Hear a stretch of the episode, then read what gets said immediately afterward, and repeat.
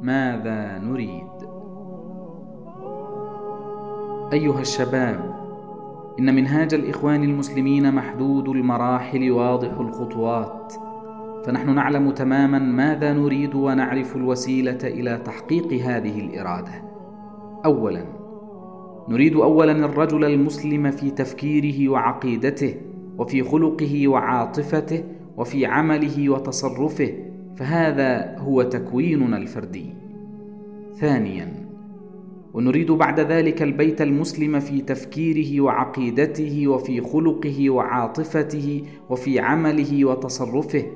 ونحن لهذا نعتني بالمرأة عنايتنا بالرجل ونعتني بالطفولة عنايتنا بالشباب وهذا هو تكويننا الأسري.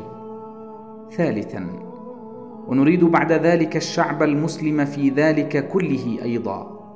ونحن لهذا نعمل على أن تصل دعوتنا إلى كل بيت وأن يسمع صوتنا في كل مكان وأن تتيسر فكرتنا وتتغلغل في القرى والنجوع والمدن والمراكز والحواضر والأمصار. لا نألو في ذلك جهدا ولا نترك وسيلة. رابعا. ونريد بعد ذلك الحكومة المسلمة التي تقود هذا الشعب إلى المسجد وتحمل به الناس على هدى الإسلام من بعد كما حملتهم على ذلك بأصحاب رسول الله صلى الله عليه وسلم أبي بكر وعمر من قبل. ونحن لهذا لا نعترف بأي نظام حكومي لا يرتكز على أساس الإسلام ولا يستمد منه.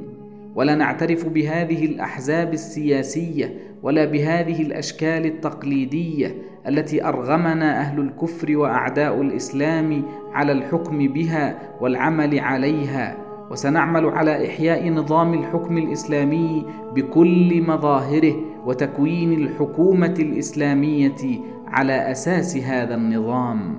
خامسا ونريد بعد ذلك أن نضم إلينا كل جزء من وطننا الإسلامي الذي فرقته السياسة الغربية وأضاعت وحدته المطامع الأوروبية. ونحن لهذا لا نعترف بهذه التقسيمات السياسية ولا نسلم بهذه الاتفاقات الدولية التي تجعل من الوطن الإسلامي دويلات ضعيفة ممزقة يسهل ابتلاعها على الغاصبين.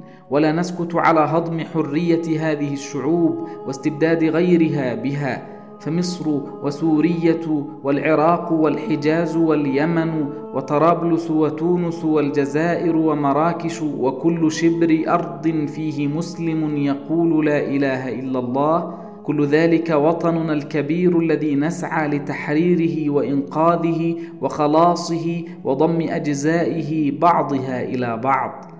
ولئن كان التاريخ الألماني يفرض نفسه حاميا لكل من يجري في عروقه دم الألمان فإن العقيدة الإسلامية توجب على كل مسلم قوي أن يعتبر نفسه حاميا لكل من تشربت نفسه تعاليم القرآن.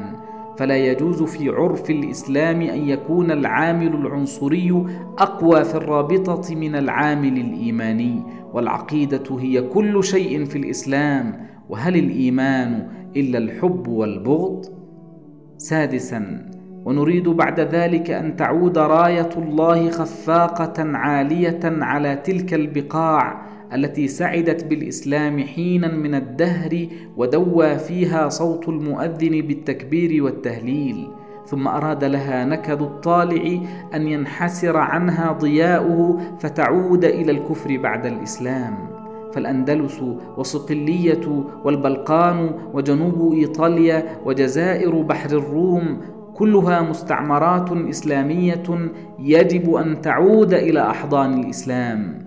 ويجب أن يعود البحر الأبيض والبحر الأحمر بحيرتين إسلاميتين كما كانتا من قبل. ولئن كان السنيور موسوليني يرى من حقه أن يعيد الإمبراطورية الرومانية وما تكونت هذه الإمبراطورية المزعومة قديما إلا على أساس المطامع والأهواء. فإن من حقنا أن نعيد مجد الإمبراطورية الإسلامية التي قامت على العدالة والإنصاف ونشر النور والهداية بين الناس.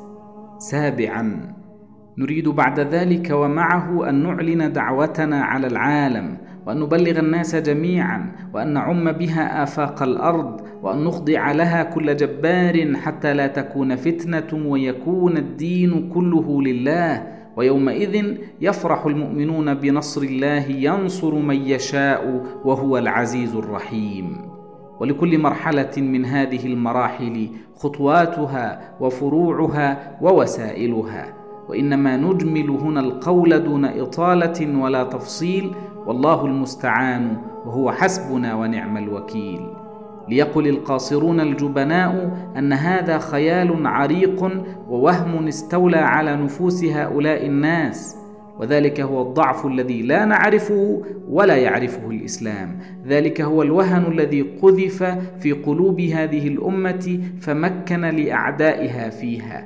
وذلك هو خراب القلب من الإيمان وهو علة سقوط المسلمين. وإنما نعلن في وضوح وصراحة أن كل مسلم لا يؤمن بهذا المنهاج ولا يعمل لتحقيقه لا حظ له في الإسلام فليبحث له عن فكرة أخرى يدين بها ويعمل لها.